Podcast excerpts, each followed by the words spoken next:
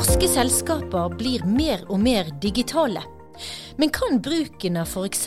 algoritmer gi uante konsekvenser, som ulovlig prissamarbeid? Og hva kan norske myndigheter gjøre dersom IT-giganter som Facebook og Apple bryter norske konkurranseregler? Du hører på Konkurransepodden, en podkast fra Konkurransetilsynet. I denne episoden får du også høre hvorfor EU har ilagt Google ikke mindre enn tre milliardbøter. Jeg heter Siri Løken og er kommunikasjonsrådgiver i Konkurransetilsynet. Økonom Katrine Evertsen, du leder et nytt prosjekt her i Konkurransetilsynet som skal se på norske selskapers bruk av algoritmer. Og hva er det vi skal finne ut?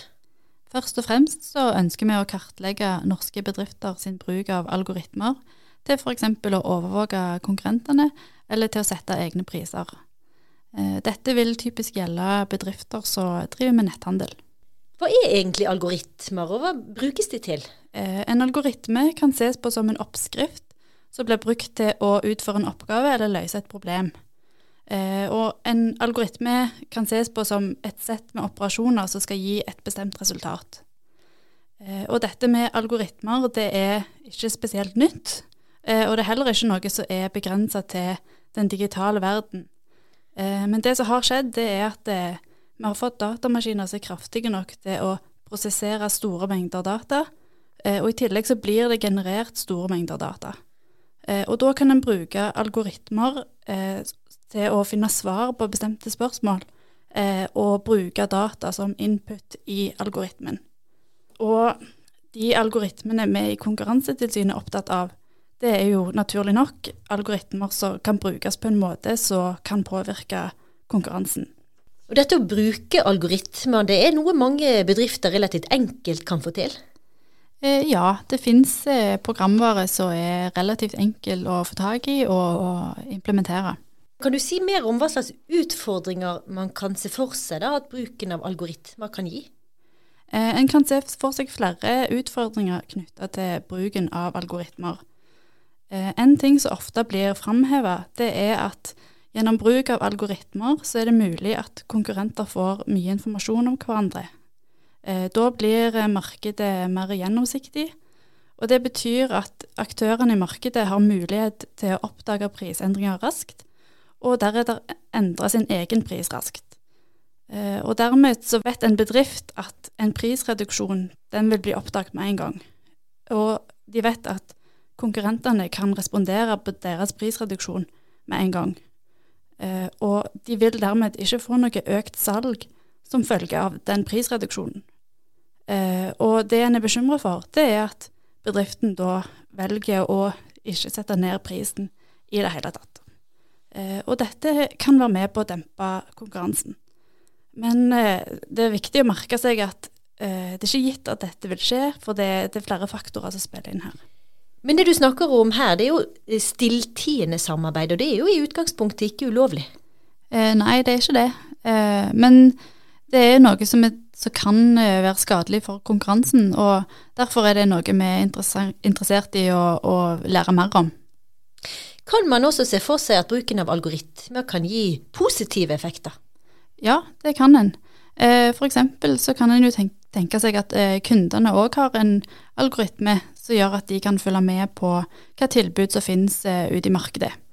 Hvordan skal dere i prosjektgruppen gå frem da, for å finne ut hvordan bedriftene bruker algoritmer? Eh, vi skal sende ut eh, et spørreskjema til norske bedrifter for å lære mer om i hvilken grad de bruker algoritmer, og hva de eventuelt bruker de til. Så vi har tenkt å sende et spørreskjema til en rekke bedrifter i ulike bransjer. I hvilken grad tror du norske bedrifter er bevisst på mulige utfordringer knyttet til bruken av algoritmer? Eh, dette at eh, en kan bruke prisings- og overvåkingsalgoritmer som et verktøy, er jo fortsatt et relativt nytt fenomen. Eh, men jeg vil jo tro at norske bedrifter generelt er ganske bevisste på hvilke verktøy de implementerer. Eh, men det er viktig at eh, hver enkelt bedrift er klar over at eh, de har ansvaret for de verktøyene de velger å bruke. Den algoritmekartleggingen vi i Konkurransetilsynet nå skal gjøre, kjenner du til at det er gjort noe tilsvarende i andre land? Ja, det har blitt gjort lignende undersøkelser i andre land. De portugisiske konkurransemyndighetene publiserte en rapport i juli 2019. Og vår undersøkelse den er delvis inspirert av denne. Og i tillegg så har EU-kommisjonen òg gjort lignende undersøkelser. Så man kan si at dette er noe mange andre land også er opptatt av? Ja, dette er et tema som er høyt oppe på agendaen i flere land. Takk skal du ha, økonom her i Konkurransetilsynet, Katrine Evertsen. Videre i Konkurransepodden skal det bl.a. handle om dette. Today the Commission has decided uh, to fine uh, Google 1.49 billion euros for breaking EU antitrust rules. Google has engaged in illegal practices when it comes to their search advertising brokering in order to cement its dominant market position. Det vi hørte her, var EUs kommissær for konkurransepolitikk, danske Margrethe Vestager. 20.3 i fjor ila EU Google en bot på 14 milliarder kroner. EU-kommisjonen mener Google hindret konkurrenter, altså konkurrerende søkemotorer, i å få plassert nettannonsene sine. Dette var den tredje milliardboten i rekken for Google i EU, og vi skal snart spørre konkurransedirektør Lars Sørgaard hva vi i Norge kan gjøre overfor internasjonale IT-giganter. Men først skal vi ha en oppfriskning av hva de ulike Google-sakene egentlig dreier seg om. Økonom her i Konkurransetilsynet, Magnus Friis Reitan. EU-kommisjonen har altså tre forskjellige pågående saker mot Google. og Hva er det de ulike sakene dreier seg om? Ja, Det er altså tre saker, så her er det lett å gå litt i surr. Eh, de tre sakene det handler om henholdsvis eh, shopping på nett i en sak fra 2017. Eh, så det er en sak om operativsystemet Android fra 2018. Og så er det en sak om en tjeneste som heter AdSense, som leverer annonser på nettsider i 2019. Og I alle de tre sakene så har Google fått det man må kalle gigantbøter av kommisjonen. Og alle sakene har Google anket til EU-domstolen, sånn at vi venter på det endelige resultatet.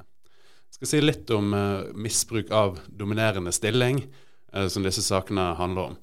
Uh, det å være dominerende i et marked, det betyr rett og slett at en bedrift er veldig stor i markedet. F.eks. at den har over halvparten av salget og at den derfor kan ta høye priser og tjene mye penger uten at konkurrenter ødelegger nevneverdig for det. Um, og det er lov å være dominerende. Det kan det hende at man er dominerende fordi man har vært flink, men dominerende bedrifter uh, har et særlig ansvar for ikke å misbruke den dominerende stillingen sin, så det er visse begrensninger på hva de kan gjøre. Og det å misbruke den dominerende stillingen, det er typisk sånt som stenger ute mindre konkurrenter fra markedet, eh, sånn at den dominerende bedriften da begrenser den konkurransen som ellers kunne oppstått i markedet. EU-kommisjonen mener altså at Google har misbrukt sin dominerende stilling i flere ulike markeder? Ja, ifølge kommisjonen så har uh, Google dominerende stilling i flere ulike markeder. Men det er jo da særlig innenfor søking på internett, eller googling som vi rett og slett kaller det, på mange språk, hvor uh, Google har en markedsandel på over 90% av alle søk. Uh, så kommisjonen mener at Google har misbrukt den dominerende stillingen sin på tre ulike måter, og derfor er det tre ulike saker. Den første saken Eh, der mener kommisjonen at Google har presset ut konkurrerende prissammenligningstjenester eh, på nettet ved å plassere Google, altså resultatene fra Google sin egen prissammenligningstjeneste øverst når man googlet etter produkter. Eh, samtidig så justerte Google algoritmene sine sånn at de andre prissammenligningstjenestene ble dyttet langt ned på søkeresultatsiden, og på, gjerne på side fire og fem og sånt. Eh, det mente kommisjonen at var et misbruk av Googles dominerende stilling, så de sendte et vedtak i juni 2017 hvor de påla Google å slutte med dette, her, samtidig som de ila en bot på 2,4 milliarder euro. Og Denne saken var nettopp i EU-domstolen i slutten av februar, eh, hvor partene møttes i retten. Så er det den andre Google-saken som kom ett år etter, i 2018. Hva er det den handler om? Den andre saken fra 2018 eh, den handler om uh, mobiltelefoner og om Google sitt operativsystem for mobiltelefoner, som heter Android. Uh, nå er det sånn at Samsung, Sony og uh, telefoner fra Huawei f.eks. bruker Android som operativsystem. Til sammen er 80 av alle smarttelefoner de er Android-telefoner. Og I den saken så mener kommisjonen at Google har krevd av f.eks. Samsung at hvis du, skal, hvis du Samsung skal installere Google Play på dine telefoner, så må du også forhåndsinstallere Google Search på telefonene dine. Google Play eh, det er nettbutikken der man finner Android-apper til eh, mobiltelefonen din. Så du må nesten ha Google Play hvis du har Android-telefon. Eh, så når Google krever at Samsung også skal installere Google Search for å få lov til å forhåndsinstallere Google Play, så ble det vanskelig for andre søketjenester å komme inn på Samsung-telefonene. Og Google sin dominans innen søkemarkedet ble da enda sterkere, ifølge kommisjonen. Og Denne saken førte til en ganske betydelig bot for Google. Ja, Google fikk en uh, klekkelig bot her. Uh, 4,3 milliarder euro uh, i juli 2018. hvis du googler 4.3 billion euro in Norwegian kroner, så regner Google ut at det er omtrent 45 milliarder kroner med dagens vekslingskurs. Så det er mye penger. Så går det åtte måneder, og det kommer en ny Google-sak i 2019. Hva går den ut på? Den tredje og siste saken den handler om AdSense, som da var en Google-tjeneste, eh, som er en Google-tjeneste som formidler annonser eh, ved søk inne på nettsider.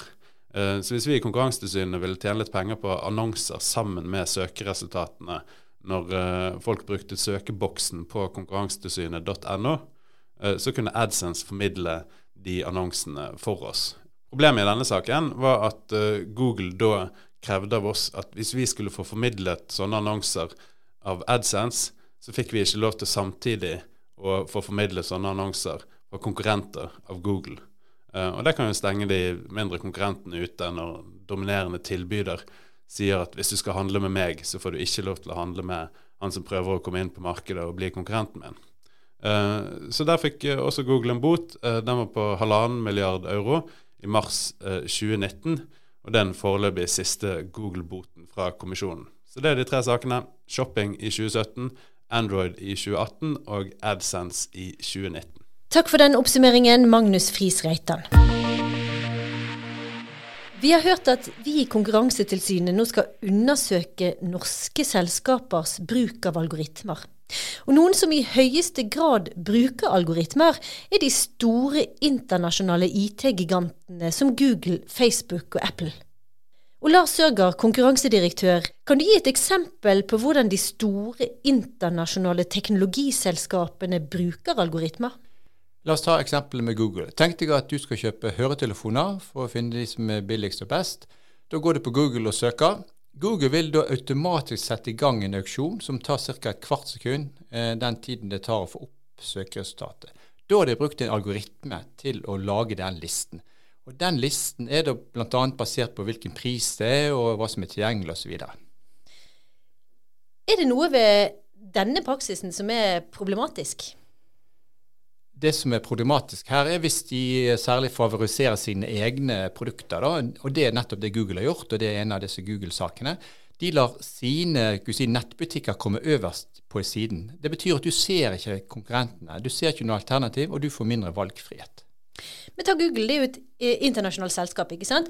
Hvor god kontroll har norske myndigheter med at store IT-selskaper faktisk følger konkurransereglene, f.eks. i Norge? Vi overvåker alle markeder i Norge. Vi, vårt oppdrag er å være aktiv for alt som skjer i det norske markedet. Så vi overvåker de på linje med alle andre markeder. Men vi har det samme problem her som i ethvert marked. Vi er ofte avhengig av tips om ting som er problematisk, og eh, vil gjerne at uh, ulike aktører tipser oss om uh, mulig ulovlig praksis. Har norske konkurransemyndigheter sanksjonsmuligheter da, overfor denne type selskaper? Det har vi.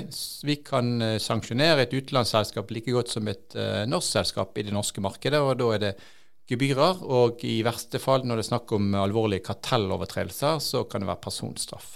Disse selskapene er store i Norge, men hvor problematisk er f.eks. markedsdominansen til Facebook og Google? Markedsdominans betyr at du kan påvirke betingelsene, f.eks. priser og andre vilkår. Det Problemet for oss som brukere er først og fremst dette med valgfriheten. Nye utfordrere som ønsker å komme med nye og bedre produkter enn f.eks. Google, de, de, har ikke mulighet til å komme opp og komme inn i markedet. Det er et problem. Og så kan du si på andre siden av markedet, så er det Google som i annonsemarkedet. Hvis de blir veldig store der, så kan det bety at de kan sette høyere priser til annonsører enn det vi ønsker de skal gjøre. Hva er grunnen til at de digitale plattformene har så mye makt, da? Selv så bruker jeg jo Facebook og Google hver eneste dag, men jeg betaler jo ikke en krone for det. Ja, du peker på at det er egentlig mange goder med disse produktene i utgangspunktet. Både Google og Facebook bruker eh, de fleste av oss. Problemet oppstår i den situasjonen når de blir store og dominerende. Eh, det reduserer vår valgfrihet. Vi som bruker får ikke noe alternativ til Facebook. Det er på en måte det eneste vi har. Vi får ikke noe alternativ til Google for de er så store. Og samtidig så vil òg annonsørene ha ingen andre muligheter enn å bruke disse kanalene. Så det er makten i forhold til annonsørene som gjør de så store og viktige? Ja, de tjener ikke penger på oss som forbrukere. Vi gir fra oss data, og de dataene bruker de oss til å skreddersy reklame til oss. Og da kan de selge annonser til annonsørene, så pengene tjener de på annonsesiden fra annonsører, mens vi får det gratis. Vel å merke, vi gir fra oss data, det er betalingen vi gir som brukere. Så vet vi jo at EUs konkurransemyndigheter opp gjennom årene har ilagt bl.a. Google sant, store bøter for å ha brutt EUs konkurranseregler. Hva er grunnen til EUs fokus på de såkalte big tech-selskapene som Google, Facebook, Apple? Det er veldig bra og veldig viktig at EU-kommisjonen tar opp dette. For dette er et overnasjonalt problem. Det er, problemet med Google er ikke norsk, det er internasjonalt. Dermed er det bra at EU-kommisjonen, som representerer 27 EU-land og 3 EØS-land, kan ta et løft for alle de landene. Og Dermed så er det viktig at de da eh, setter foten ned og forteller at det du gjør nå, er å stenge ute konkurrenter og gi dem en, eh, en høy bot for det, og ber de endre sin atferd. Kan man si at bøtene som eh, Google f.eks. er ilagt, har ført til endret atferd? Det gir iallfall en disiplinerende effekt, helt klart. Altså Disse aktørene, enten det er Facebook eller Google eller Apple eller Amazon, de vet at de eh, kan risikere å bryte konkurransereglene. Da kan de få en stor sak hos EU-kommisjonen, og det vil disiplinere dem, det er jeg ganske sikker på.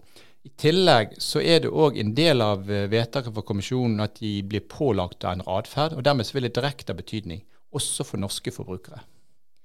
Men digitale plattformer kan jo være så mye. Det er jo ikke bare Facebook og Google og Apple. Vi har jo også Uber. Vi har matleverandøren Fodora, overnattingstjenesten Airbnb og etter hvert eh, mange andre eksempler. Hva er det som eh, man kan si karakteriserer disse selskapene? Litt enkelt forklart kan du si det er en møteplass der eh, noen som vil selge, noen som vil kjøpe, eller noen vil etterspørre eller eh, tilby. Tenk på Airbnb. Det er noen som vil legge ut en leilighet for eh, utleie, andre som ønsker å leie en leilighet. Da møtes de på denne møteplassen. Airbnb er en møteplass. En stor møteplass vi har i Norge, er Finn. Det er et godt eksempel på en digital plattform. Hvordan jobber vi i Konkurransetilsynet i Norge da, opp mot de digitale plattformene generelt? Vi har nå i 2020 digitalisering og digitale markeder som et satsingsområde. Vi har prioritert område. Vi gjør flere ting. Vi har et, eh, nå et algoritmeprosjekt som vi har hørt om i dag, som gir oss økt kunnskap om algoritmer og bruk av algoritmer. Vi har et samarbeid med nordiske konkurransemyndigheter. Vi skriver en felles rapport om digitale plattformer, mer sånn policyorientert hva som kan gjøres. Vi har initiert et samarbeid med Datatilsynet, Forbrukertilsynet og Forbrukerrådet om eh, digitale plattformer, der vi skal ha en, eh, planlegge en konferanse litt senere i år. Og så følger vi nøye med. I Norge kan vi gripe inn mot eh, digitale plattformer, f.eks. hvis de kjøper opp små aktører. Faktisk i større grad, større mulighet enn i de fleste andre land. Så norske konkurransemyndigheter har i aller høyeste grad dette høyt på dagsorden? Ja, det er ikke bare Norge, men jeg tror de fleste konkurransemyndigheter har fått et enormt fokus på dette de siste to-tre årene. Hva kan man si er de største utfordringene med å etterforske digitale plattformer? Det er flere si, utfordringer her. For det første så er det en ny type analyse. Dette med bruk av data som er så viktig f.eks. For, for Google og Facebook, det krever en ny analyse og er utfordrende å, å, å gjøre, siden vi har, ikke har gjort det tidligere. Det andre er at den, den internasjonale dimensjonen som gjør at det vi egentlig ser i Norge er det samme som vi ser i andre land. Det krever at vi har et godt internasjonalt samarbeid, og helst koordinere med andre land.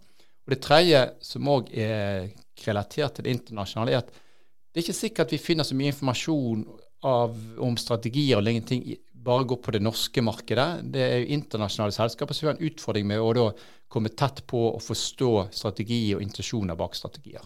Så internasjonalt samarbeid om dette er et viktig stikkord, altså? Det er kjempeviktig. og Vi er medlem av European Competition Network, altså i EU. Der utveksler vi informasjon. Vi kan komme med tips til hvilke saker kommisjonen bør ta opp. Så vi har et godt internasjonalt samarbeid gjennom det nettverket. Ja, vi har jo hørt her i Konkurransepodden at uh, vi i Konkurransetilsynet har på gang et prosjekt som skal se på norske selskapers bruk av algoritmer. Og hva håper du kommer ut av det prosjektet? Jeg håper og tror at vi kan få økt kunnskap om uh, for det første bruken av algoritmer i Norge. Hvor utbredt er det at selskaper bruker algoritmer? Og det ønsker òg å få kunnskap om hvordan de bevisst bruker det. Er det slik at de bevisst bruker det til prissetting? Og da blir neste spørsmål gjør de det på en problematisk måte. Så det vi får av kunnskap der, kan vi bruke til å veilede selskaper, til å fortelle at det er en grense her for uh, hva du kan gjøre. Du kan ra bli rammet av konkurranseloven hvis du går for langt. Takk skal du ha, konkurransedirektør Lars Surgar. Takk også til deg som hører på Konkurransepodden. Husk at du også kan følge Konkurransetilsynet på Facebook, LinkedIn og Twitter.